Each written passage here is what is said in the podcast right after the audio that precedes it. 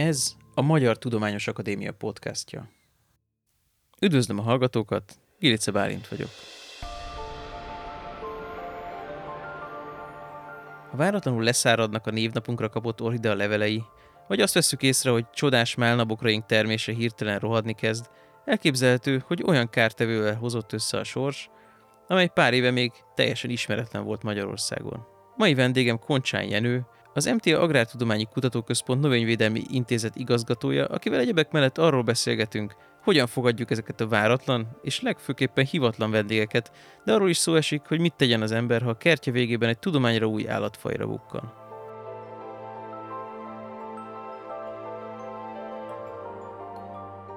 Amit mi egyszer kártevőnek gondolunk egy haszonnövénynél, az lehet, hogy nekünk a ellenségem ellensége, a barátom elv alapján segíthet a gyomnövény visszaszorítására. Ez nagyon érdekes történet maga a spanyol mesztelencsiga, amit, amit sokáig úgy gondoltak, hogy ez egy idegenhonos, inváziós faj. Aztán kiderült, hogy itt ez egy őshonos fajnak egy hirtelen átalakulása történt, amiből egy kitélő fajból lett egy igen jelentős kártevő. Valami oknál fogva ez a faj, ez átalakult egy borzasztóan erősen szaporodó és mindent elfogyasztó kártevő fajjá. Maga a kaptárnak olyan stabil klímája van, mind a páratartalom, mind hőmérséklet szempontjából, mint a méhek fenntartanak, hogy ezek a trópusi állatok teljesen jól át tudnak telelni nálunk a legnagyobb hidegbe is. Üdvözöllek, köszönöm, hogy elfogadtad a meghívást. Köszönöm szépen, én is üdvözlöm a hallgatókat. Szoktuk definícióval kezdeni ezeket a beszélgetéseket. Lehet, hogy nagyon triviális a dolog, de tisztázunk rögtön az intézet nevében szereplő első szót. Pontosan mit értenek a szakemberek azon, hogy növényvédelem? Maga a növényvédelem egy nagyon komplex szakma és tudomány is egyben. Amikor ide kerültem, ez egy nagyon érdekes eh, dolog volt, mert többször hallottam azt, hogy hát ez a növényvédelmi intézet, akkor még, amikor én hallottam róla, akkor NKI-nak hívták, még önálló volt a, a kutatóközpontok megalakulása előtt, és akkor sokan azt gondolták, hogy a Növényvédelmi Kutatóintézetben esetlegesen permetezéses vizsgálatok zajlanak, vagyis azt nézik, hogy különböző rovarölőszerek, növényvédőszerek hogyan hatnak az adott célcsoportra. Na most ez nem így van. Maga a Növényvédelmi Kutatóintézet egy széles spektrumú intézet, ami elsődlegesen növényvédelmi alapkutatásokat végez, számos alkalmazott és innovatív kutatási irányzattal is. Permetezéses vizsgálatokat nem csinálunk. Nem tudunk versenyre kelni azokkal a nagy cégekkel, amelyek növényvédőszereket fejlesztenek, sem anyagi, sem egyéb lehetőségeink nincsen rá. Tehát nekünk egy olyan nist kell betöltenünk, amely a növényvédelemnek a tudományos részeit csinálja. Az intézetünkben négy osztály van, illetve egy lendületcsoport.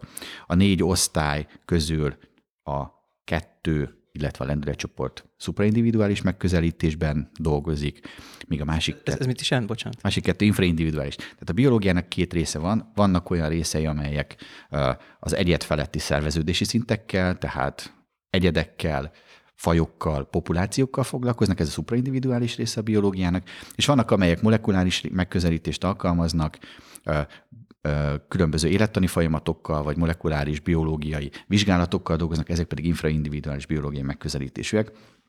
Igazából ez a kettő ez valamennyire szét is válik épületenként, hiszen a Növényvédelmi Intézet ez két helyen helyezkedik el jelenleg Budapesten, ahol most ülünk, ez a Herman Otto 15 alatt, ahol a intézet központja van, és a növénykortani és a növényi kórélettani osztályok dolgoznak. Én, mint kis ilyen külsősként ülök itt, hiszen én rovarász vagyok, és én eredendően a másik telephelyről származom, amely Budapest határában, Nagykovácsi közelében van, Julianna Majorban. Ott dolgozik az állattani osztály, az alkalmazott kémiai ökológiai osztály és, az, és a lendület evolúciós ökológiai kutatócsoport is.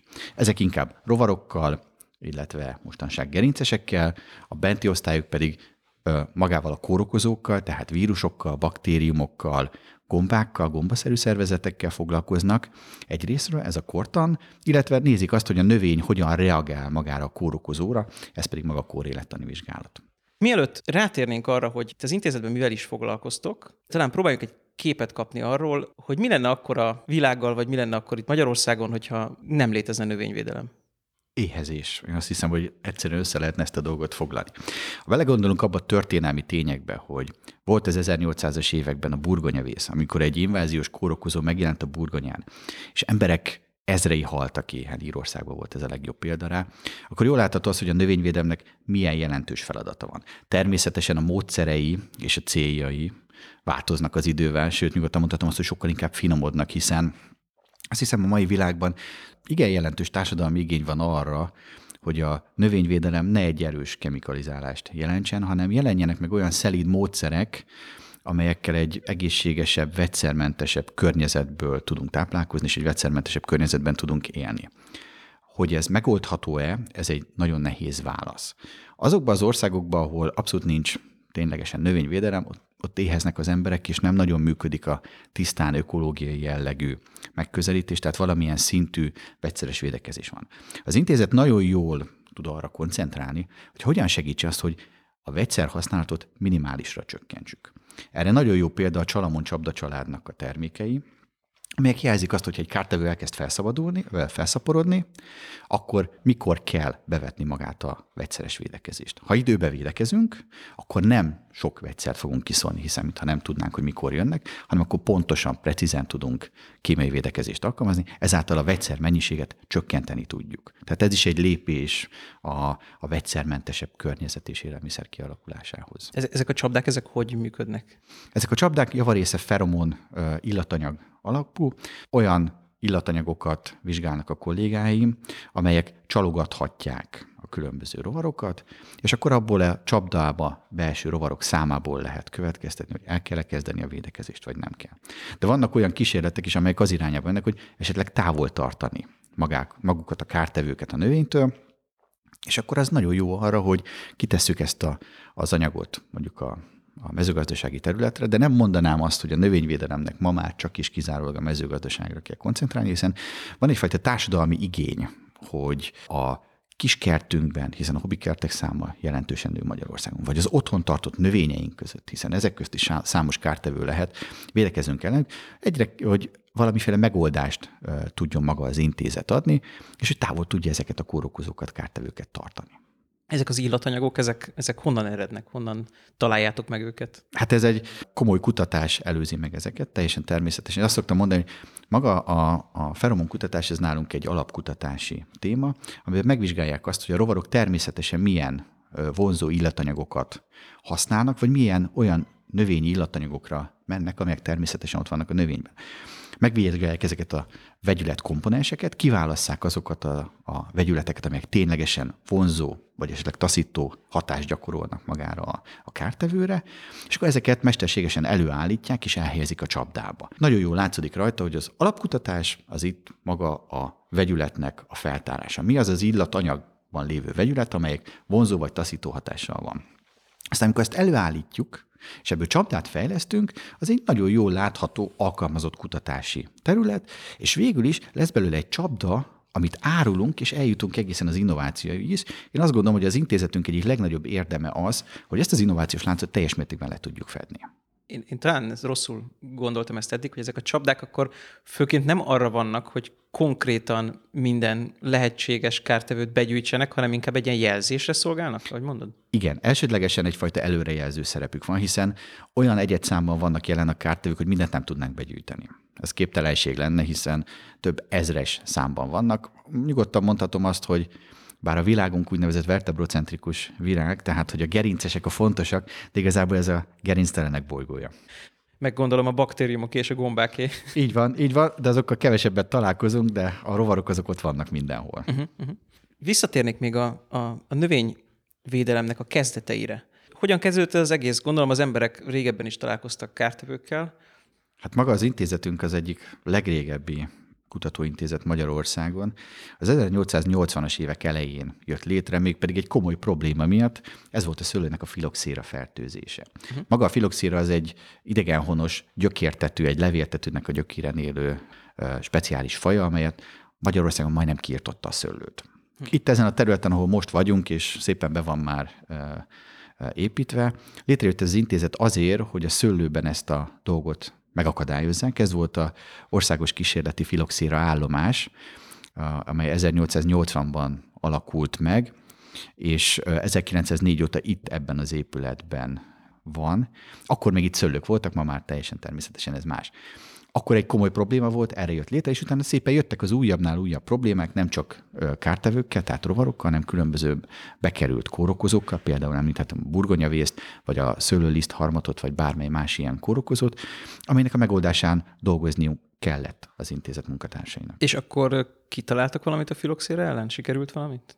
A legjobb tudomásom szerint akkor kezdték el bevezetni azt, hogy például ilyen talajokon, mint ami mondjuk itt Budapest környékén van, és nem homokos talaj, ott amerikai alanyra oltják a szőlőt, és éppen ezért a filoxéra nem tudja tönkretenni, hiszen az amerikai alanyok azok azok ellenállnak a filoxérának, a hazaiak viszont nem. Alföldön más a helyzet, homok területen nem marad meg a filoxéra, tehát ott, ott ilyen problémát nem okoz. Aha, értem. És maga a növényvédelem úgy egyáltalán az emberiség történetében az, az mikortól van jelen? Hát ezt az 1800-as évektől dolgoznak rajta, hogy ezt megpróbálják valamilyen szinten kiküszöbölni. Hát az első rovarász könyvekben is már úgy szerepel, hogy a különböző főúri kertekbe kimentek a rovarászok, megnézték a rovarokat, és akkor látták, hogy ott bizony eszi valami, de maga a fejlődés ennek az egész tudománynak azért mondhatom azt, hogy a 19. század végével indult el. Aztán hatalmas nagy lökést adott az, hogy megjelentek a nagy monokulturális mezőgazdasági területek, ahol azáltal, hogy sok tápláléka volt a kórokozóknak, illetve a, kártevőknek, ezért megoldást kellett találni, és erre kimondottan szerveződtek növényvédelmi kutatások, nem csak kutatóhálózatban, mert hiszen intézetünk először a, az FM elődjéhez tartozott, tehát minisztériumi hátterű intézmény volt, de hát az egyetemeken is igen jelentős növényvédelmi intézetek voltak, az összes agrár jellegű egyetemünkön, meg korábban, amiket főiskolának hívtak főiskolánkon is, mindenhol volt növényvédelmi képzés, hiszen ez egy olyan, akkor úgy hívták, nemzetgazdasági probléma volt, amelyet igenis meg kellett tudjuk, old, meg kellett tudjuk oldani azért az is látszik abból, amit mondtál, hogy azért sokszor itt az idegen honos élőlényekkel van a, van a probléma, tehát hogy valami olyasmi jelenik meg nálunk, ami eddig még nem volt itt. Ez általánosnak nevezhető? Ez igazából egy hosszú történet. Tehát amióta, talán nyugodtan mondhatjuk azt, hogy amióta az emberiség jön, megy a világba, és elindultak a nagy felfedezések, azóta folyamatosan érkeznek be ezek a kártők. Nekem a legjobb példa mindig a krumplibogár, hiszen az mindenki számára jól ismert, hiszen volt egy krumplibogár nevezetű állat, amely élt Észak-Amerikában egy völgyecskében, és ott ette azt a természetes táplálékát, ami volt. Aztán átkerült a krumpli, és megjelent a hatalmas nagy krumpli termesztés, és ebből a kis elterjedésű fajból egy, egy hatalmas elterjedésű, kimondottan jelentős kártevő faj lett, szintén inváziós fajként jelent meg. Aztán utána szépen, ahogy az idő múlik, jelentek meg újabbnál újabb ilyen jellegű kártevők, amelyek nem is honosak nálunk, de megtalálták a megfelelő környezeti feltételeket, és borzasztóan gyorsan el tudtak szaporodni, és kimondottan jelentős gazdasági károkat okoztak. Az az érdekes, hogy most, hogy a világ még inkább kinyílik és azért jönnek, mennek Európába, határok nélkül tudunk utazni. Ugyanúgy a teherautók, a vasúti szállítás minden határok nélkül tud zajlani. Sőt, tegyük hozzá, hogy a globalizáció olyan szinten is megjelenik, hogy ma már én Kínából tudok növényeket rendelni itthonra, és bekerülhet hozzám úgy postával, hogy soha senki nem látta, és bármilyen más korokozót is betokozni, bármi előfordult. Nagyon jól látszik, hogy évről évre egyre több idegen honos kártevőt is kórokozót találunk meg hazánkban. Tehát akkor ma az egy reális veszély, hogy én bemegyek az egyik ilyen népszerű kertészeti boltba, hazaviszek egy cserében egy kis növényt, kiküldetem a kertembe, és ez csak elszabadul róla valami olyan kis állatka, amelyik még eddig soha nem volt itt. Benne van. Én a kertészeti boltokat kevésbé tartanám ebből a szempontból jelentősnek, hiszen ezekben a kertészeti boltokban azért szakemberek szoktak dolgozni, és ott általában növényvédelmi kezelés van. Sokkal veszélyesebbek például a nagy áruházak, ahol a mindenféle egyebek mellett különböző növényeket lehet kapni. Nagyon jó példát mondok rá, ilyenek az orhidák. Aha. Az orhidáknak van egy uh, nagyon gyakori, mint kiderült, nagyon gyakori kártevő atkafajuk, egy trópusi eredetű atkafaj, amely uh, az egyik nagy kereskedelmi lánc orhidáin nagyon sokszor megtalálható. Ezt az emberek hazaviszik, és utána nézik azt, hogy hát elpusztult a teljes növény, és amikor megnézik alaposabban, vagy esetleg megkérnek uh, valami szakembert, akkor meg tudja mondani, hogy bizony ez egy olyan szinten fertőzött növény volt, hogy ezért pusztult el. Ez egy olyan komoly probléma, hogy, és egy nagyon érdekes megoldás sikerült uh, a felmérésére találni, hogy uh, majdnem minden orhidea kedvelőt érint, aki mondjuk nem egy-két cserépnyi orhideát, hanem mondjuk többet tart. Ez úgy derült ki, hogy családon belül kaptam egy fülest arról, hogy a különböző Facebookon lévő orhidea csoportokban pro- probléma az, hogy mennyi atka van. És akkor én beléptem ezekbe a Facebook oldalakba, és megkértem a, a, az ott lévő tagokat, hogyha van ilyen probléma, hogy küldjék el nekem, mert engem nagyon érdekel, hogy ténylegesen miről van szó, hiszen az atkák fajszáma jelenleg 56 ezer, kb. egy millióra becsüljük a, a még ismeretlen fajok számát, de egyáltalán milyen fajok okozzák nálunk a kárt, mert hát meg kell tudjuk mondani, mi az, amivel utána védekezni uh, tudunk. És a, a lakosság annyira aktív és érdeklődő ebbe a dologba, hogy ide az intézetbe levélben érkeztek a fertőző torhida levelek, és én meg tudtam vizsgálni, hogy miből mennyi van. És ez nagyon érdekes volt, hogy tényleg a társadalmat érdeklik, és szívesen részt vesznek ennek a problémának a megoldásában, és most például próbálunk nekik segíteni is, hogy olyan módszereket ajánlani, most erre zajlanak kísérletek, amelyekkel vegyszermentesen távol tudjuk tartani esetlegesen ezeket a kártőket. Nem csak atkák vannak, vannak különböző pajstetvek, várunk, nem olyan rég jelent meg erről egy híranyagunk a Facebook oldalunkon, egy házas csigát, amely például az Egyesült Államokban karanténfajként van jelen, de hát ha hozzuk, visszük az orhideákat a világba, akkor ezeket is be tudjuk magunkkal hozni. Tehát számos olyan dolog van, amire, amire oda kell tudnunk figyelni, és ténylegesen az van, hogyha megveszünk egy nagy áruházban egy például egy szobanövényt, vagy egy kiültetendő növény, könnyen lehet, hogy olyan fajjal fertőzött, amely eddig még nem volt hazánkban lehet, hogy ezt a hallgatók közül kevesebb, kevesebben tudják, de ezért Magyarországon is van rengeteg ősoros orhidea, főleg most tavasszal, meg május, május végén, még éjig, június elejéig lehet látni nagyon sok fajt. Ezek az atkák, ezek esetleg ezekre is veszélyesek lennének? Nem tartom valószínűnek. Tehát azért a, azért a hazai fajok azok szűk időszakban virágoznak meg, hozzák a leveleiket. Ezek a kártevők, ezek elsőlegesen trópusi eredetűek, tehát nagy valószínűséggel nem bírnák ki. Elég nagy probléma az, hogyha valaki megvesz 3-5 ezer forintért egy tő orhideát, és akkor két hónapon belül elpusztul, és ki kell dobni a kidobott pénz rögtön eljutottunk, azt hiszem, hogy a, a témáthoz, hogy utána néztem, hogy mivel foglalkozol, utána mondtad is a beszélgetés elején, hogy az atkák a te szíved csücskei. Hogyan jutottál hozzájuk? Miért pont ez a csoport lett a kedvenc? Hát ez egy kicsit személyesebb jellegű történet, hiszen uh, én nagyon nehéz indulású kutató voltam, tehát nem úgy alakult az életem, hogy én kijöttem az egyetemről, és rögtön bekerültem a kutatóintézetbe, hanem nagyon sok mindent csináltam előtte, tanítottam általános középiskolában, dolgoztam építőiparban segédmunkásként, és állás nélkül voltam, már a doktori témámon dolgoztam, de nem volt semmilyen állásom, akkor a villanyszerelő mellett dolgoztam segédmunkásként, és akkor kaptam egy meghívást az akkori zootaxonómiai kutatócsoportban, amit ma Hunka Sándor akadémikus vezetett, hogy volna egy lehetőség, és ha gondolom, akkor éljek vele, de hát nem azt kéne csinálni, amit eddig csináltam, sose volt nagy kutatói szabadság, mindig megmondták, mit kell csinálni, és akkor mondták, hogy hát ö, atkákkal kéne foglalkozni. És én persze az ember ettől megriadt, hiszen itt vannak olyan átok, amit szabad szemben nem is látunk, hogy fog tudni én ebből bármiféle tudományt művelni, de életem egyik legjobb döntése volt, hogy ebbe belekerültem. Magyarországon hatalmas hagyománya van az atkák kutatásának, hát Balog János professzor, vagy Mahunka Sándor akadémikus világszerte elismert nevek voltak. Ténylegesen mondhatom azt, hogy ketten együtt például a páncélos atka fajoknak a több mint a felét ők fedezték, és fel, fel, ők fedezték fel és írták le világviszonylatban. Tehát igazán jelentős hozzájárulásuk volt. És aztán én vettem át így Mahunka Sándor halála után a stafétabotot, és még egy páran vagyunk atkászak, akik próbálunk dolgozni. De nem növényvédelmi témából indultam, én alfa taxonómusként kezdtem, ami azt jelenti, hogy ténylegesen én is a fajok felfedezésével és leírásával töltöttem az időmet.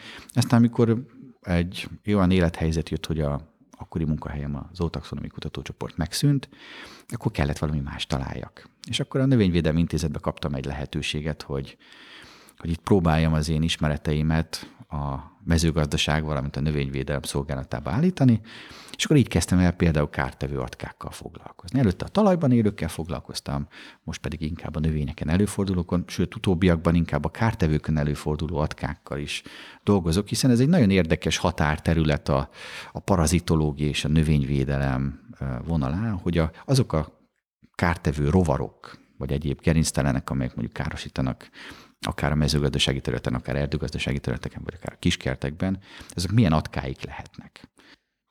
hogy a hallgatót egy kicsit képbe helyezzük atkaügyileg, hogyha mondjuk májusban egy cserebogarat kézbe fog, és közelebbről megnézi, akkor jó eséllyel elkezdenek a cserebogáron vagy a kezén szétmászni ilyen pici vajszínű vagy, vagy ilyesmi kis állatok, vagy amikor lát egy kaszáspókot, amin ilyen kis piros gömböcskék vannak, ezek atkák, ezek most paraziták, vagy csak utaznak? Mit sikerült ezekről kideríteni? Van, van ilyen is, van olyan is. Hát vannak paraziták, amelyek kimondottan károsítják ezeket az ízeltlábakat, de vannak olyanok, amelyek ténylegesen utazásra használják arra, hogy az egyik megfelelő élőhelyről a másik megfelelő élőhelyre jussanak. De azt szoktam mondani, hogy az atkák bolygója vagyunk, tehát nincs olyan területe a világnak, ahol ne lenne atka. Például most itt ülünk és beszélgetünk, miközben rajtunk is vannak atkák, hiszen a szempilláink szőrtűszőiben szőrtűsző atkák élnek. Ha kimegyünk sétálni az erdőbe, most főleg itt tavasszal a jó időre, akkor biztos, hogy ránk akaszkodik egy-két kullancs, és a kullancsok is az atkák közé tartoznak, de majdnem minden növény levelén találhatunk atkákat. Sőt, ahogy ezt szokták mondani, a, a talaj az, ami abszolút gazdag atkák szempontjából. Ha fölveszünk egy maréknyi talajt, ami egy kicsit olyan szerves anyagban gazdagabb, abban pár száz atkafajnak több ezer egyede fordulhat elő. Itt szokták mondani, hogy a talaj az végül is a szegény kutatónak az eső erdeje. Ez azt jelenti, hogy ha valaki egy kellően eldugott helyen ás egy kicsit a talajban, akkor elképzelhető, hogy akár tudományra új atkafajt is találhat még Nem Magyarországon kell hozzáásni, Magyarországon is természetesen. Van egy kiváló kollégám, Ripka Géza, aki a Nébiknél dolgozott, és ő gubacsatkákkal foglalkozik, ő csak Magyarországról írt le fajokat, és több tucat fajt írt le, új fajt írt le Magyarországon növényekről, de magam is fogtam már jó néhány fajt hazánkban. Talajból, növényről, sőt még cserebogáról is amik eddig ismeretlenek voltak a tudomány számára. Pár évvel ezelőtt egy májusi napon uh, hazalátogattunk párom szüleihez Szabolcsbe, egy kisközségbe, amit kéknek neveznek. Egy, tényleg egy 2000 fős lélekszámú uh, kis falucska. És a, az egyik este, amikor kint sétáltam a kertben, akkor egy furcsa bogarat vettem észre a földön, amit felszettem, és hát mivel körülbelül tudtam, hogy hova tartozik a, a bogár, és ezekkel foglalkozok a kártevőkön élő atkákkal, ezért elhoztam és megvizsgáltam. És kiderült, hogy ezen az, a bogár fajon egy tudományra új atkafaj fordult elő, amiből én, ahogy kell, a megfelelő tudományos folyóiratban el is készítettem a tudományos publikációt. Ezt úgy gondoltam, hogy hát azért ez egy 2000 fős kis település, amit én kimondottan szeretek, ezért a településnek az újságjába, a kéki körképbe írtam róla egy anyagot, hogy és természetesen a faluról neveztem el az állatot. Tehát a, az állatnak a neve Macrohelles kekenzis lett a, a kéknek a nevéből, és az enzis végződés utal arra, hogy uh-huh. a településről lett elnevezve. És utána ez megjelent a kéki körképbe. Aztán gondoltam, hogy ha már ez így van, akkor egy kicsit nagyobb volumenbe is nézzük meg, és megkerestem a Kelet-Magyarországnak a főszerkesztőjét, hogy hát egy ilyen dolog történt, érdekli -e ez őket, és nagyon, nagyon nyitottak voltak rá, és egy, egy, egy, hát egy oldalas kis interjú jelent meg erről az egész történetről, hogy itt egy új, egy apró kis magyarországi településen egy tudományra új faj került elő, és ténylegesen látszik az, hogy nem kell trópusi esőerdőkbe biztosan elutazni, hanem sokszor ténylegesen ott van a kis hátsó kertünkben a, az ismeretlenség. Most hiszen, hirtelen eszembe jutott ez, hogy gyerekkoromban, amikor volt egy nagy nyárfák, és nyárfák levele levelének a nyele valahogy így meg volt csavarodva, és abban volt egy gubacs, az, az micsoda? Azok levéltet. Azok levéltet. Igen, igen, igen, igen, igen, igen. Az más.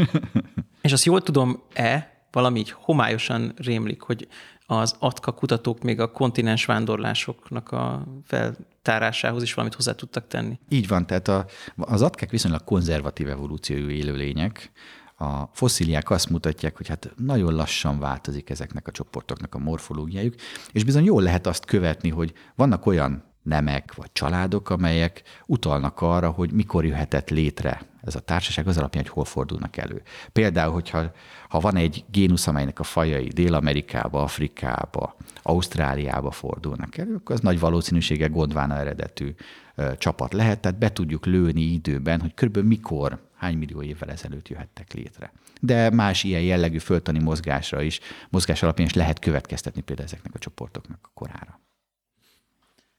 Aki kerttel foglalkozik, akár ilyen hobbi szinten, ő hol találkozhat olyan atkákkal, akiket nem fog szeretni? Mindenhol.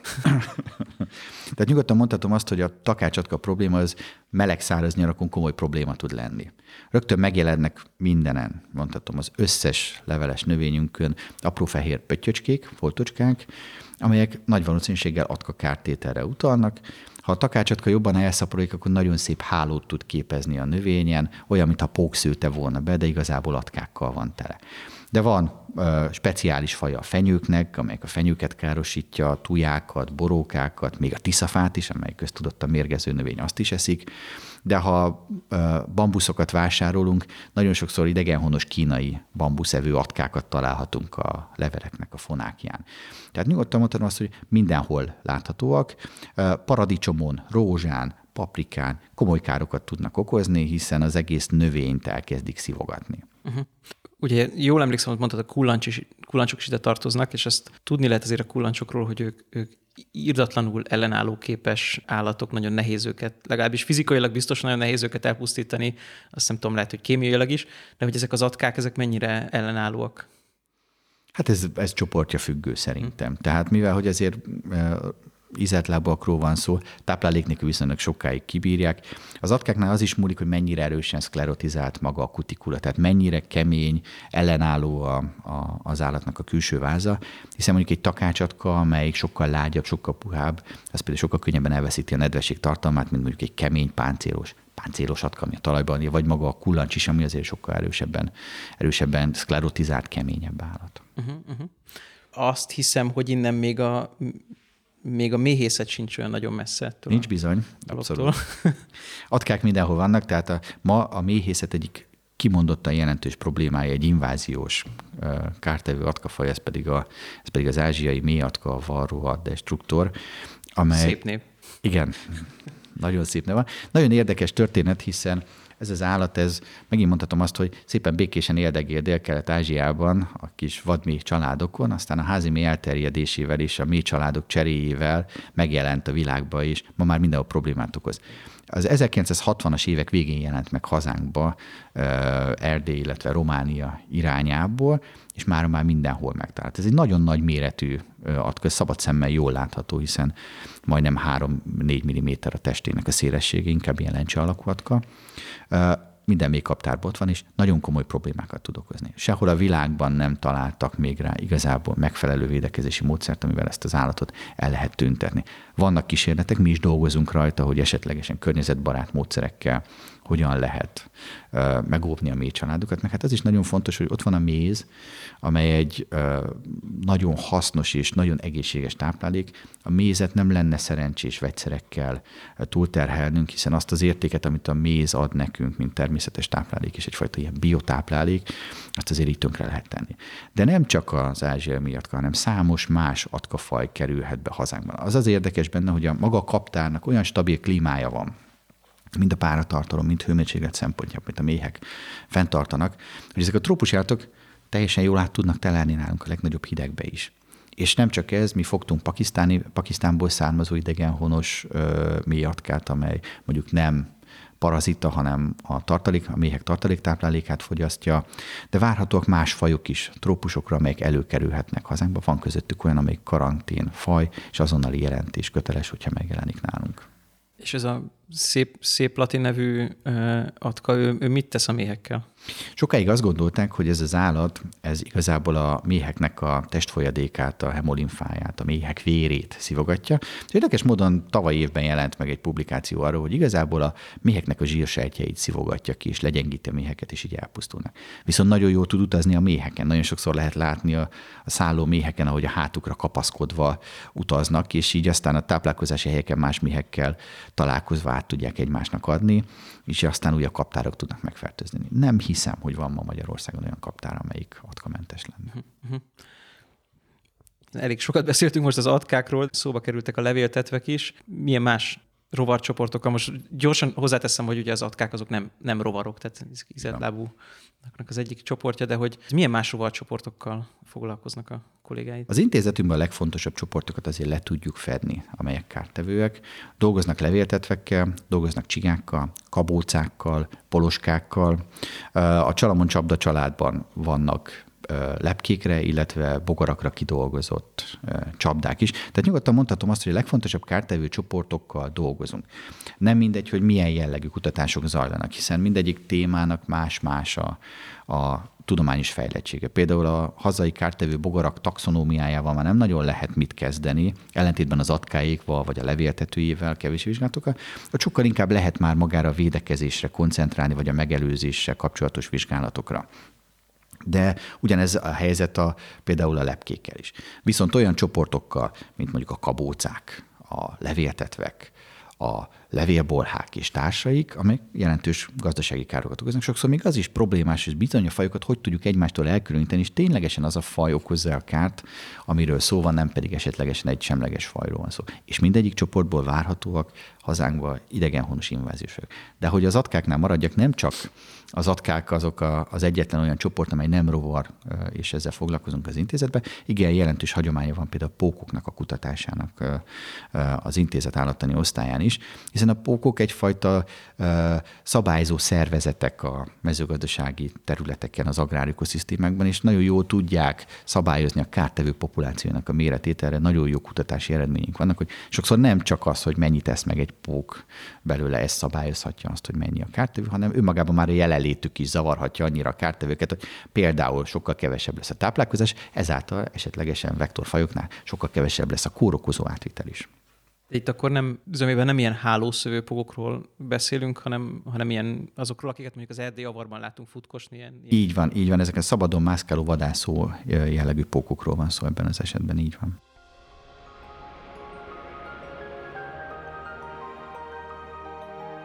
A beszélgetéshez háttérinformációk, jegyzetek és hivatkozások elérhetők az mta.hu per podcast címen.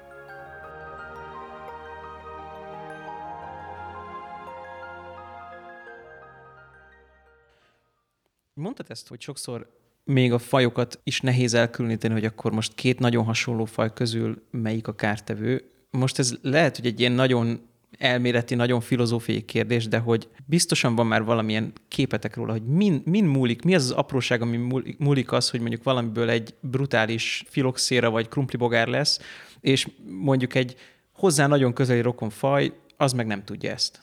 Hát erre a kérdésre nem tudok exakt választ adni, abszolút. A, a biológiát nem ismerjük. Tehát én azt gondolom, hogy, hogy bármennyire is egyre többet tudunk ezekről a dolgokról, rengeteg a fehér folt, amire nem tudunk válaszolni. Ez is egy ilyen kérdés, hogy mi lesz az egyik fajból kártevő, míg a másik rokon fajból igazából, hát egy, azt szoktam mondani, hogy minden növényevő állat valamilyen szinten károsítja a növény, de hát ugye ennek aztán ténylegesen kártevő válik, és lesz a gazdasági vonatkozása, az mindig kérdéses. Nem tudjuk megmondani, hogy miért miért, miért van az egyiknél, miért van a másiknél. Valószínűleg a sikeresebb fajokból lesznek a kártevők. Ez most nagyon furcsán hangzik, de evolúció szempontból azok a fajok az sikeresebbek, amelyek minél nagyobb egyetszámban meg tudnak jelenni, az adott forrást minél jobban tudják hasznosítani. Ez picit szembe megy azzal, amit mi szoktunk általában gondolni, hogy nekünk azok az értékes fajok, amelyekből kevés van, szép van, vigyázni kell ritka. Evolúció szempontból nem ezek a sikeresek, hanem azok, amelyekből rengeteg van. Szerintem beszéljünk most egy kicsit a gyomokról is, amikre pontosan ráillenek ezek a dolgok. Jó lehet, ők, ők növények, de pontosan ez. Így van. A gyom az egy nagyon érdekes kérdéskör, és nekem egy nagy szívfájdalmam, hogy például a mi intézetünkben a gyomkutatás szervezet szinten megszűnt. Tehát jelenleg az intézetben gyomos kolléga nincsen. De egy ideje figyelem a különböző szakmai rendezvényeket, hogy hát ha lehet látni egy, egy tehetséges fiatalt, akit ide tudnánk az intézetünkbe csábítani, azért, hogy ö, beindulhasson egy újabb, modernebb ö, gyombiológiai kutatás.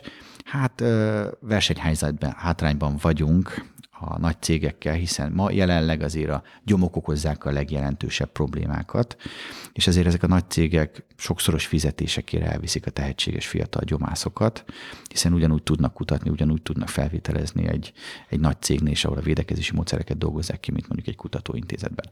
Viszont tudunk kapcsolódni magukhoz a gyomok kutatásához. Az intézetben azért zajlanak olyan jellegű vizsgálatok, amelyek például a gyomoknak a kártevőit, kórokozóit vizsgálják, vagy a gyomoknak a különböző aktív hatóanyagait tárják fel. Ez azért is fontos, mert ha belegondolunk abba, hogy amit mi egyszer kártevőnek gondolunk egy haszonnövénynél, az lehet, hogy nekünk a ellenségem ellensége, a barátom elv alapján segíthet a gyomnövény visszaszorítására. Ausztráliában voltak erre példák, nagyon jó beváltak, például az egyes takácsatka fajok az idegenhonos kaktuszok elleni védekezésben.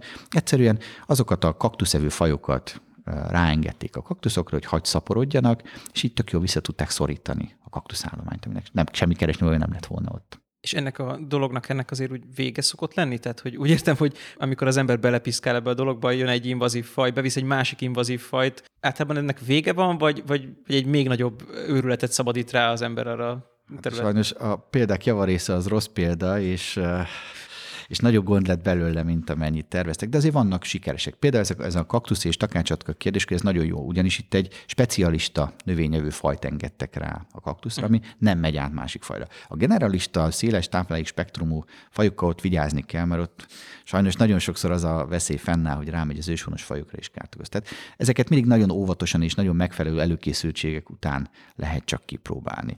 Nagyon jó hallani mostanában arról, hogy vannak különböző uh, tojás parazitoidjai, például a, a a márványos poroskának, amelyet bebe telepítgetnek, sőt terjed is magától.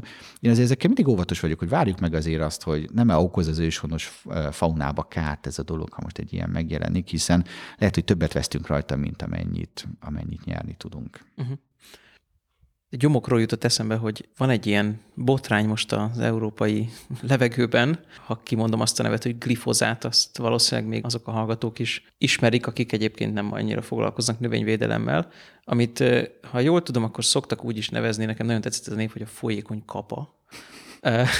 Azt gondolnám, hogy itt lenne helye a gyomkutatásnak és a, a, azoknak a módszereknek, amiket azért ahogy hallom, ti képviseltek a kicsit finomabb és specifikusabb módszereknek. Itt nincs valamiféle olyan, olyan nyomás vagy olyan irány, ami fölhozna ilyen módszereket? A gyomokkal szemben? Hát az, ahogy említettem, nagy bajunk az, hogy nincs igazából szervezett gyomkutatásunk. Ez nagyon jó lenne, hogyha lenne, hiszen ténylegesen nagyon jelentős problémákat kellene megoldani most. Uh, ökotoxikológiai vizsgálatokat is végeznek az intézetünkben, és ebben a glifozát is szerepet játszott egy picit más, tudományosabb alapú, alapú ökotoxikológiai vizsgálatokat végzünk, mint ami megszokott, tehát nem ezeket az LCLD 50-es teszteket végezzük, hanem például azt vizsgálják a kollégáink. Bocsánat, csak hogy magyarázzuk meg, mi is az az LCLD 50? Hát, hogy igazából a dózis hatására elpusztul-e a vizsgált egyedeknek a fele, vagy sem. Uh-huh. Ez szerint az 50 az 50 százalékra utal.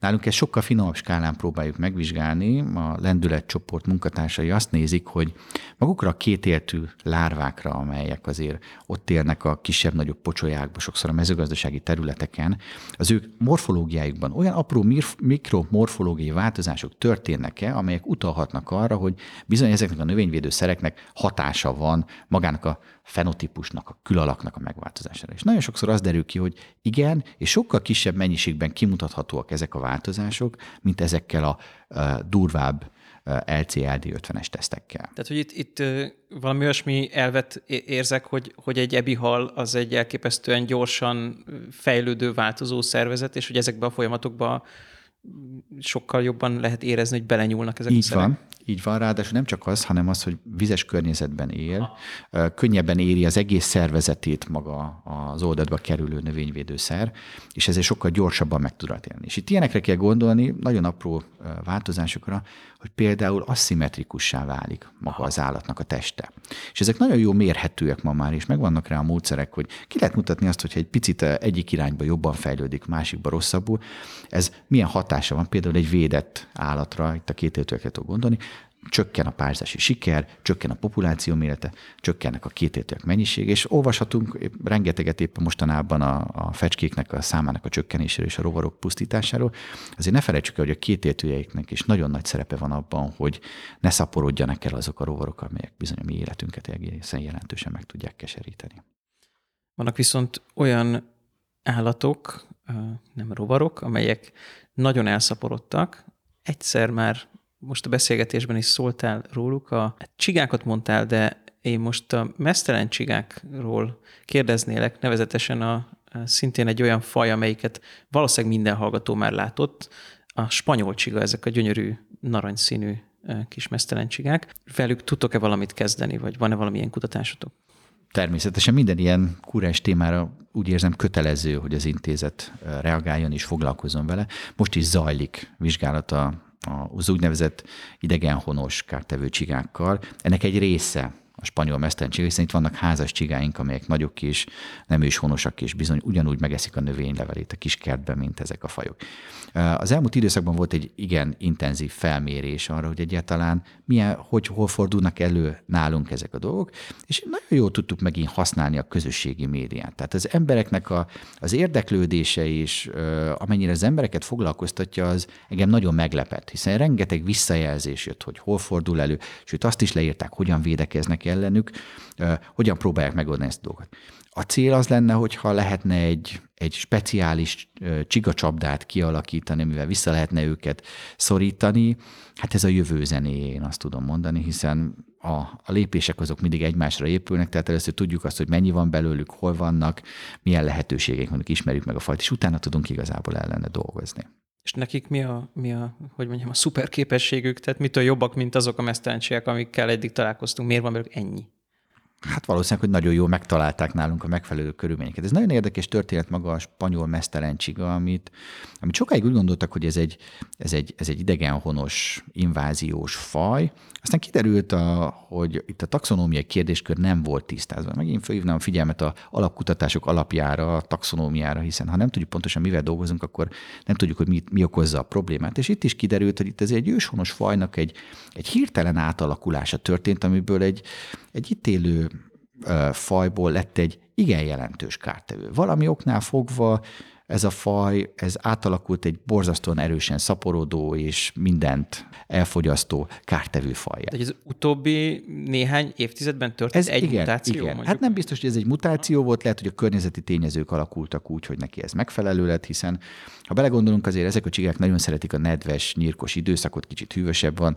Na most, hogyha azok a fajta telek, amelyek jellemzőek voltak, mondjuk ami közép-európai jellegünkről hidegebb, szárazabb telek voltak, azok kevésbé megfelelőek. Ha viszont olyan jellegű teleink lesznek, mint a Mediterráneumban, vagy az Atlanti régióban, ami inkább egy hűvösebb, de csapadékosabb jellegűek, azok például ezeknek a nedvesség kedvelő, hűvös, hűvös nedvesség kedvelő fajoknak biztos, hogy kedve, kedvezni fognak. Ez ugyanolyan, mint a meleg nyár, a meleg száraz nyarak is. Azokat a fajokat, amelyek most a Mediterráneumban problémát okozhatnak, az lehet, hogy nálunk 10-15 éven belül szintén problémát fognak okozni. Ilyen változások voltak-e, vagy ez most már érezhetően a, a, a klímaváltozásnak a, a hatása? Ez egy nagyon fölpörgött valami? Én azt gondolom, hogy mindig is voltak, hiszen azért a klíma az nem azt jelenti, hogy egyforma stabilitás van a klímának, folyamatosan vannak változások, de azért az elmúlt évtizedekben olyan jelentős változások történtek, ami, ami ezt hozhatja magával. Azt szoktam mondani, hogy számos kártevő áll határ túloldalán, akár Szerbiába, Horvátországba, és vár arra, hogy átlépi ezt a határt és megjelenjen nálunk. Volt olyan faj, amelyik ezt végig tudtuk követni. Mhm. Ezt nem tudom, hogy mennyire ismert a történet, ez a petyeszárnyú muslicának a, a története. A petyeszárnyú muslica ez egy apró kis legyecske, amit, amit Kelet-Ázsiából írtak le, és az egész világon elterjedt kártevő, főleg bogyósokba él. Abba különbözik a rendes muslicától, hogy a tojócsöve fűrészes. Ezáltal az épp bogyókat is meg tudja sérteni, és bele tud petézni. Szemben akkor a... megvan ez a szuper képesség, akkor igen, tudjátok, igen, hogy miről igen, van szó. Így van. Így van, ráadásul szemre felismerhető, mert egy nagy barna pötty van a hímeknek a szárnyán. És pár évvel ezelőtt már tudtuk, hogy Horvátországban és Szlovéniában ott van, és volt Kozár Ferenc nem régiben elhunyt kollégámnak egy ötlete, hogy vizsgáljuk az autópályákat, hiszen ez egy nagyon jó módszer arra, hogy a, a transport utakon meg tudjuk figyelni, hogy különböző kártevők hogy terjednek el.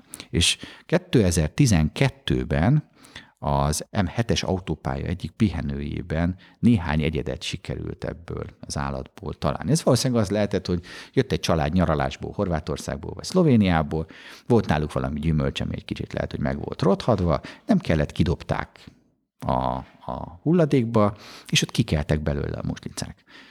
Ez egy pihenő volt. És akkor a kollégák ott a, a szemetesben turkáltak, vagy hálóztak? Hálóz, vagy? Hálóztak természetesen. Hát, ez egy nagyon komplex feltárás volt, tehát az összes autópálya szakasznak a, a számos kijelölt pihenőjébe gyűjtöttek, de az egész országon. Tehát uh-huh. nyugodtan mondhatom az összes autópályán. És akkor ez itt előkerült, és ezt már mindenki tudta, hogy ez egy komoly problémát fog okozni. A következő évben már négy darab autópálya pihenőn, ezt utána az egész országba, majd a végén már Nógrádban olyan jelentőségű gazdasági kárt okozott, hogy például a málna termesztőtől nem vették át a felvásárlók a málnát, mert mind fertőzött volt. Ma, ha kiteszünk egy ilyen uh, petyeszányú muslica csapdát, ami nagyon egyszerűen almecetből, meg vörösborból áll, bárhol az országban, van egy-két hétig olyan helyen, ahol bogyós gyümölcsök vannak, akkor marék számra lehet belőle kiszedni a petyes szárnyú muslicát. És ez egy kelet faj, aminek láttuk évről évre az elterjedését, ahogy hogy jelenik meg, és igazából hogy borítja el Magyarországot. És a törvényi szabályozások hogy tudják ezeket az iszonyú gyorsan elterjedő új kártevőket követni? Most arra, arra is utalok, hogy még pár éve megismertem egy sztorit, ez a boróka tarka díszbogár, azt hiszem úgy, úgy hívják azt a kis, kis bogarat, egy nagyon szép kis bogár, és leírtak belőle, nem tudom én, egy, egy példányt valamikor a 2000-es évek elején, és ez fokozottan védett volt Magyarországon.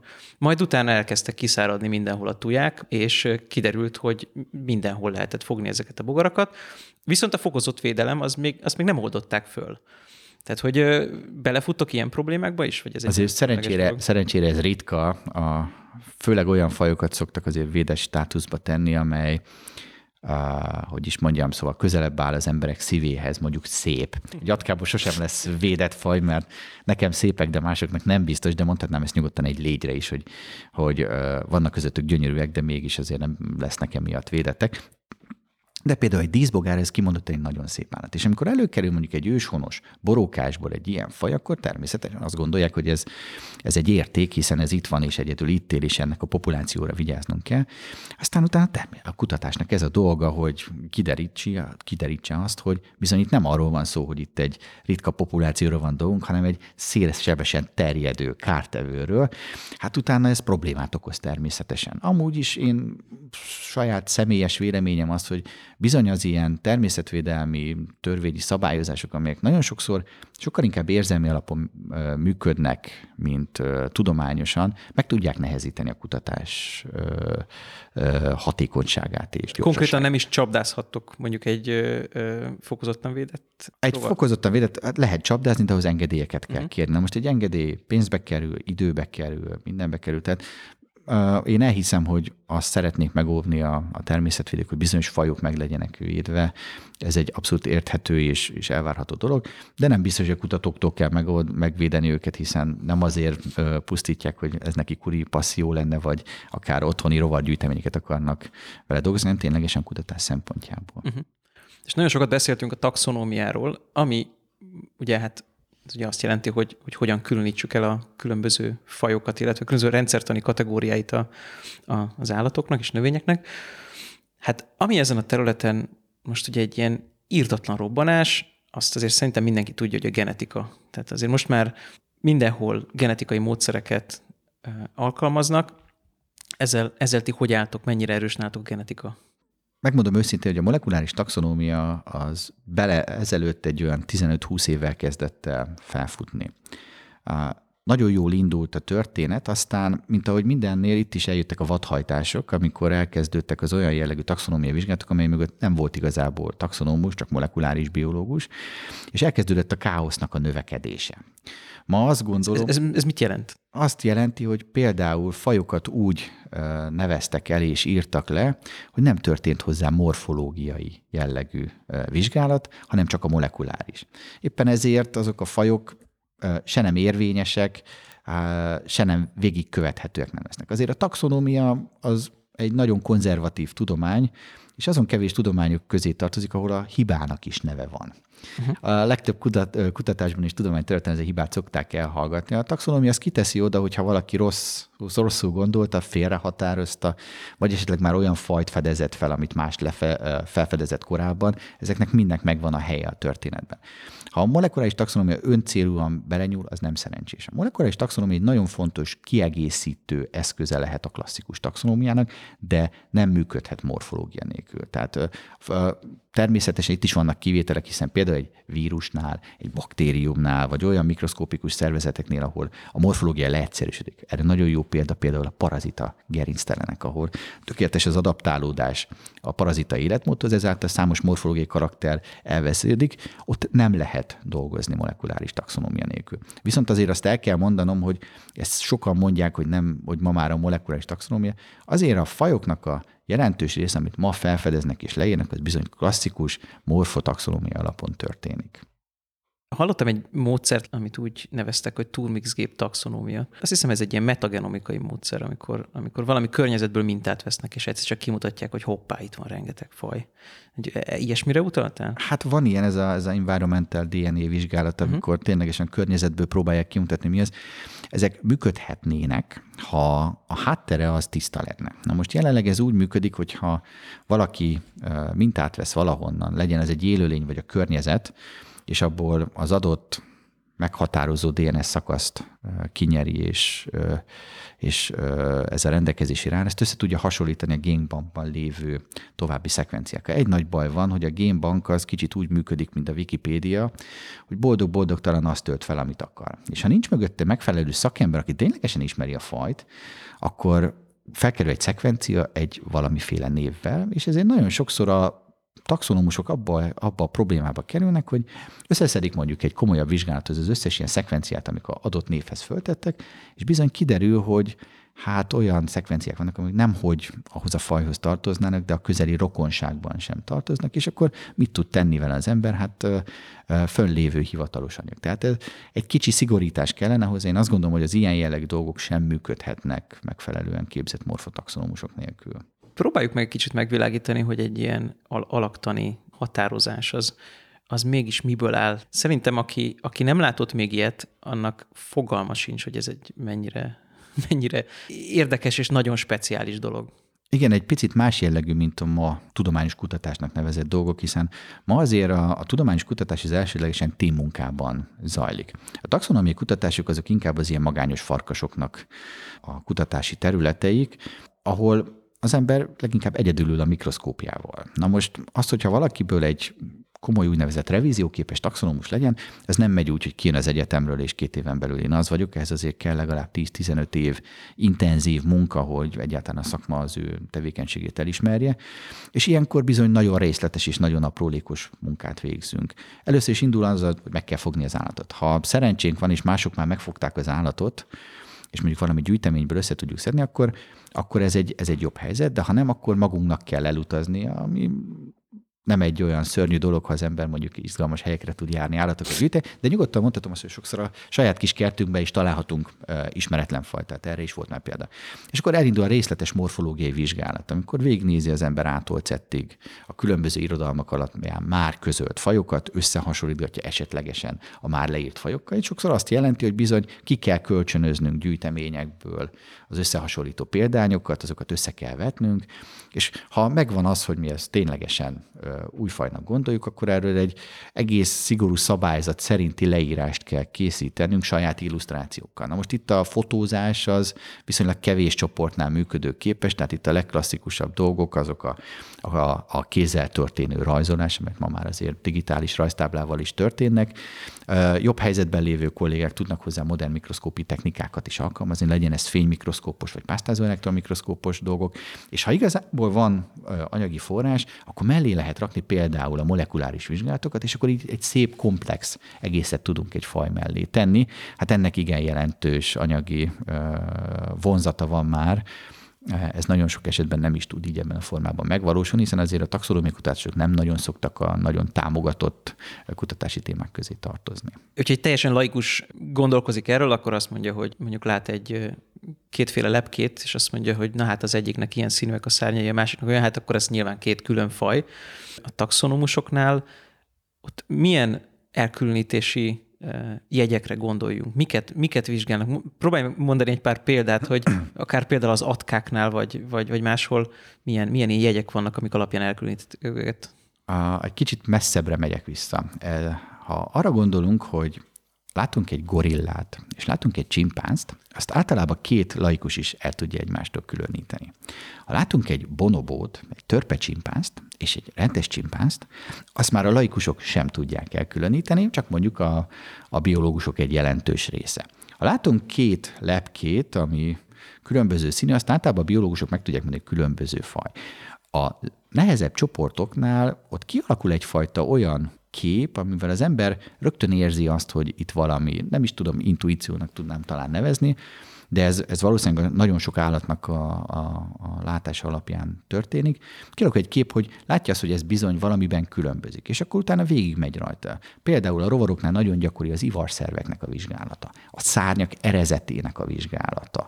Sok esetben vizsgálnak lábakat, az atkáknak a lábainak, a szőröknek az elhelyezkedése, alakja, mérete, a háti szőrök, a hasi szőrök, az ivarszervek környéki régiónak. Ezek mind olyanok, amiket vizsgálnunk kell, és sokszor nagyon nehézkes például egy, egy 300 mikronos, tehát egy harmad milliméteres állatot mikroszkóp alatt megfelelően vizsgálni, úgyhogy ténylegesen látjuk azt a karaktert, vagy azt a béget, amit látnunk kell. Mert sokszor az is van, hogy az ember nem látja, ezért van az például, hogy kezdő taxonómusok nagyon sokszor félre szaladnak egy-egy határozó kulcs használatával, és azt látják ott, ami nincs, vagy nem olyannak látják, mint ahogy ez le van írva. Most a legbulvárosabb részét ragadnám ki a határozó jegyeknek, hogy milyen egy atkának az ivarszerve. Az atkának az ivarszerve semmi extra nincsen benne. Érdekes módon ők nem úgy működnek, mint a rovarok, hogy egy erősen szklerotizált, fajra jellemző, kulcszár mechanizmussal működő ivarszer van, tehát ahol a hím ivarszerve nagyon jól illeszthető a nőstényébe, hanem gyengén struktúrált ivarszerük van, egy kis csövecske. Én azt szoktam mondani, az atkák egy picit olyanok, mint, a, mint az emberek, meg a, meg a törpecsimpánzok, amiket már említettük, hogy szeretik szemből csinálni a dolgokat, tehát nekik úgy kell elhelyezkedni, hogy a hasi oldal legyen egymással szemben. A hasi, ivarnyílá, hasi oldalon van az ivarnyílás, amikor apró szőröcskék vannak, ezáltal fel tudják egymást ismerni, és akkor megnyílnak ezek a ivarnyílást takaró lemezek, és onnan átkerül a, a hímnek a, a szaporítóanyaga a nősténybe. De semmiféle erősen struktúrált, jellegzetes morfológiai képet nincsen az atkáknál. Uh-huh. És ilyen kémiai jegyeket is használtok a határozásnál? Ugye előbb korábban említetted ezeket a feromonokat, hogy ilyenek is, ilyeneket használtok, de hogy ezek gondolom, ezek is eléggé specifikusak. Igen, de ezek mindig csoportfüggőek. Tehát vannak, amelyik ezek már jól kutatottak, például a rovaroknál, de például az atkáknál nagyon kevés információ van arról, ezekről. A jövőben milyen irányokat látsz, erre érdemes lenne elindulni, így, ahogy tudjuk, hogy a genetika az biztos, hogy elképesztően fog fejlődni, sokkal olcsóbb lesz. Azt is látjuk, hogy a mezőgazdaság is, a precíziós gazdálkodás, ott is rengeteg genetikai dolgot fognak bevezetni. Milyen irányokat látsz a jövőben, hogy nektek is merre felé lenne érdemes mozdulni? Én azt gondolom, hogy jelenleg négy olyan jövőbeli irányzat van, ami a növényvédelemnek a jövőjét meg fogja határozni. Ezek közé tartozik a maga a precíziós növényvédelem, amit említettél is precíziós mezőgazdaságként, a megfelelő mennyiségben és helyre eh, kiadott növényvédőszer használatot jelenti. Eh, ebben sajnos az intézetünk nem versenyképes, hiszen ezt a cégek viszik. Aztán nagyon fontos a különböző eh, rezisztens fajoknak akár klasszikus, akár molekuláris módszerekkel való előállítása, különböző haszonnövényekre gondolván. Ez megint nem az, amiben az intézetünk ö, nagy versenyképességet tud lenni, hiszen bár vannak most is rezisztencia vizsgálatok különböző növényekre, azért ez egy szűk részét adja. Én azt gondolom, hogy nekünk, mint intézetnek két fontos problémára kell az elkövetkezendő években felkészülni. Az egyik az, ami már többször beszéltünk róla, ez az inváziós kártevő fajok, amelyek közül nem mindegyik inváziós, én azt szoktam mondani, hogy idegen honos fajokról kellene inkább beszélnünk, hiszen vannak olyanok, amelyek tényleg invázióval jönnek itt a már említett poloskák vagy a petyeszányi muslica, viszont van egy számos olyan faj, amik idegen honos, de nem magától, hanem behurcolva került be hazánkba, például növénye, és kisebb károkat okoz. Ezek a károk lehetnek ténylegesen lokálisak, annyi, hogy elpusztul például otthon az orhidánk, de hát ez is egy ilyen gazdasági kár annak, akinek a növénye elpusztul.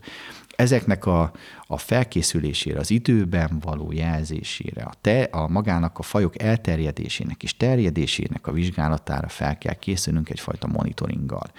A másik ilyen nagyon-nagyon fontos téma, és ebben látom én azt, hogy még az intézetünknek jelentős szerepe van, ez pedig nem más, mint a környezetbarát növényvédelmi technológiák kialakítása. Itt gondolhatok a különböző csapdákra, de gondolhatok olyan új modern diagnosztikai módszerek kidolgozására, amelyek gyorsan segítik az egészet. A kettő, két téma szerintem nagyon jól össze is függ, hiszen inváziós idegenhonos fajokra is fel kell készüljünk. Nem csak azzal, hogy megmondjuk, hogy mi az, hogy terjed, mikor jelenik meg, és milyen kárt okoz, hanem hogy tudunk ellene védekezni is. Tehát a kettő maga beszél. De például a diagnosztika is ilyen jellegű, hogy gyorsan tudjuk megmondani, hogy mi, mi érkezett be. Nagyon sokszor, ha nem kártevőket, hanem kórokozókat nézünk, akkor van egy korképe magának arra, hogy most egy vírus, vagy egy baktérium, vagy egy gomba károsítja a növényt, azt ma már nem nagyon tudjuk szabad szemmel megmondani, hogy mi az. Tehát ha vannak olyan gyors, szabadtéri körülmények között, például terepen használható tesztek, egyszerű laboratóriumi, kis laboratóriumi módszerekkel, ezeknek a fejlesztése nagyon fontos. Ugyanígy nagyon fontos a kórokozókra való felkészülés. Én nagyon régóta szeretnék majd létrehozni egy, egy mobiltelefonos applikációt, uh-huh. amelyben mondjuk azt tudjuk mondani, hogy a, benne vannak a hazai kártevők, kórokozók, kárképpel, ha kártevő, akkor magára az, az állatnak a képével is, de benne lennének az inváziós fajok is. Amikor mondjuk egy kiránduló, vagy egy gazda valahol jár, kell, és lát valami furcsát a növényen, akkor esetlegesen a mobiltelefonja segítségünk. Tényleg ott van mindenkinek a zsebében, tehát kimegy a, a mezőgazdaságban dolgozó szakember traktorral, akkor is magával viszi a mobiltelefonját, tehát ma már ez azt hiszem hozzátartozik, akkor rögtön tudná hogy itt valami megjelent, és ha ez be lenne egy központi rendszerbe kötve, akkor rögtön éghetne nálunk kvázi egy vörös telefonos vonal, és jelezhetni, hogy itt megjelent ez a dolog, mert ha mi most abban a pillanatban mondjuk egy ilyen ö, bejutási gócpontban el tudjuk kapni, akkor lehetséges, hogy ott izolálni lehetne, és el lehetne pusztítani. És akkor lehet, hogy nyernénk vele egy kis időt, nem biztos, hogy teljesen sikerülne visszaszorítani, mert lehet, hogy újabb támadási pontok lennének, de legalább akkor abban a pillanatban ezt izolálni és elpusztítani tudjuk. Tehát én ebbe látok irányt most a, a modern növényvédelemben, ez mind molekuláris, mind klasszikus kutatási módszerekkel mindenféleképpen működhet, mind kórokozókkal, mind kártevőkkel, és mind gyomokkal kapcsolatban is. Ráadásul én a, a gyomokat azt úgy gondolom, hogy ami itt a Növényvédelmi Intézetben lévő szürke állomány, ez képes lenne arra, hogy a gyomok kórokozóinak és kártevőinek felmérésével bizony abban is tudna segítséget nyújtani az embereknek, hogy hogyan lehetne ezeket visszaszorítani. Ahogy már beszéltem erről a, a kaktuszos történetről, hogy biztos, hogy vannak ilyen jellegű témák, tehát ezeket fontos lenne nekünk vizsgálni. A szavaidból azt veszem ki, hogy erősen próbáltok, és elég sikeresen nyittok a hétköznapi emberek felé. Mondod ezt a mobil applikáció gondolatát és ilyesmit, hogy ha ez beindul, és tényleg látszik, hogy van fogadókészségre, akkor van nálatok erre kapacitás?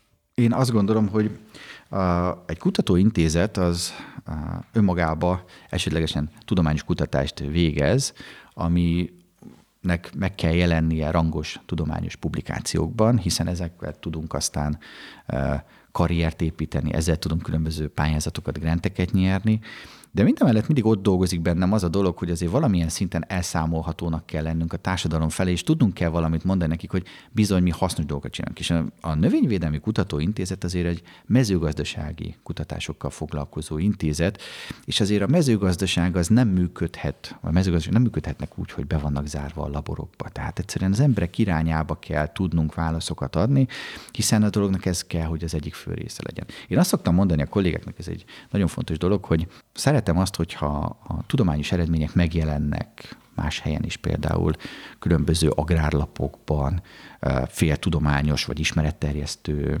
szakmához kapcsolódó lapokban, mert ha belegondolunk abba, hogy ha megjelenik egy Nature cikkünk, az egy nagyon jó tudományos eredmény, amit a szakterületen dolgozó kollégák látni fognak. De a társadalom vagy a mezőgazdaságban dolgozó emberek biztos, hogy nem fogják ezt elolvasni. Ha ennek az anyaga viszont megjelenik olyan helyeken, amit ők is elérnek, és kis munka igazából már egy, egy jó kutatási eredményt átfordítani az emberek nyelvére, akkor az ténylegesen látják azt, hogy az adóforintok, amiket arra fordítanak, hogy bennünket kutatókat ellássanak, az ténylegesen jó helyre megy, és ténylegesen furcsán hangzik ez, de ténylegesen szolgáljuk a társadalmat és a mezőgazdaságot. És foglalkoztok-e azokkal a tapasztalatokkal, azzal a tudással, illetve azokkal a módszerekkel, amit, amit az ilyen lakossági mezőgazdaság, mondjuk így, tehát akik így otthon kertészkednek, megörökölték a módszereket a, a, a szüleiktől, adott esetben lehet látni, hogy teljesen rossz mennyiségben használják a vegyszereket teljesen rossz célra, de másik esetben pedig olyan praktikákat jegyeztek meg, vagy tanultak meg a szüleiktől, amik, amik úgy tűnik, hogy beválnak. Ezekből ti merítetek, illetve próbáltok ezzel foglalkozni? Én azt gondolom, hogy igen. Maga a legklasszikusabb poloska csapdánk, amelyikről az össze többször beszélgettünk, az is egy ilyen egyszerű otthoni laikus megfigyelésen alapult ennek a csapdának az alapelve, és azt gondolom számos ilyen jellegű dolog van. Viszont, mint ahogy ezt oly sokszor, például az egészségügy ebből a szempontból sokkal jobban érintett, külön kell azért választanunk azokat, ami egyedi megfigyelések, és ez ténylegesen tudományos igazsággá válik a történet. Tehát ha vannak olyan jellegűek, amelyek mondjuk nem mondanak ellent a, a a természet törvényeinek, azt érdemes tudományos alapossággal megvizsgálni, hogy ténylegesen működik-e. Vannak extremitások azért a, a különböző növényvédelmi technikákban én már hallottam, hogy különböző holdállásnál, csillagállásnál kell különböző természetes szereket. Ezeket nem fogjuk megvizsgálni, mert azért mi a tudomány vonala mentén kell, hogy dolgozunk. De ha van például olyan megfigyelés, hogy valaki észrevesz valamit, hogy ebből a növényből levett, és attól pusztult, vagy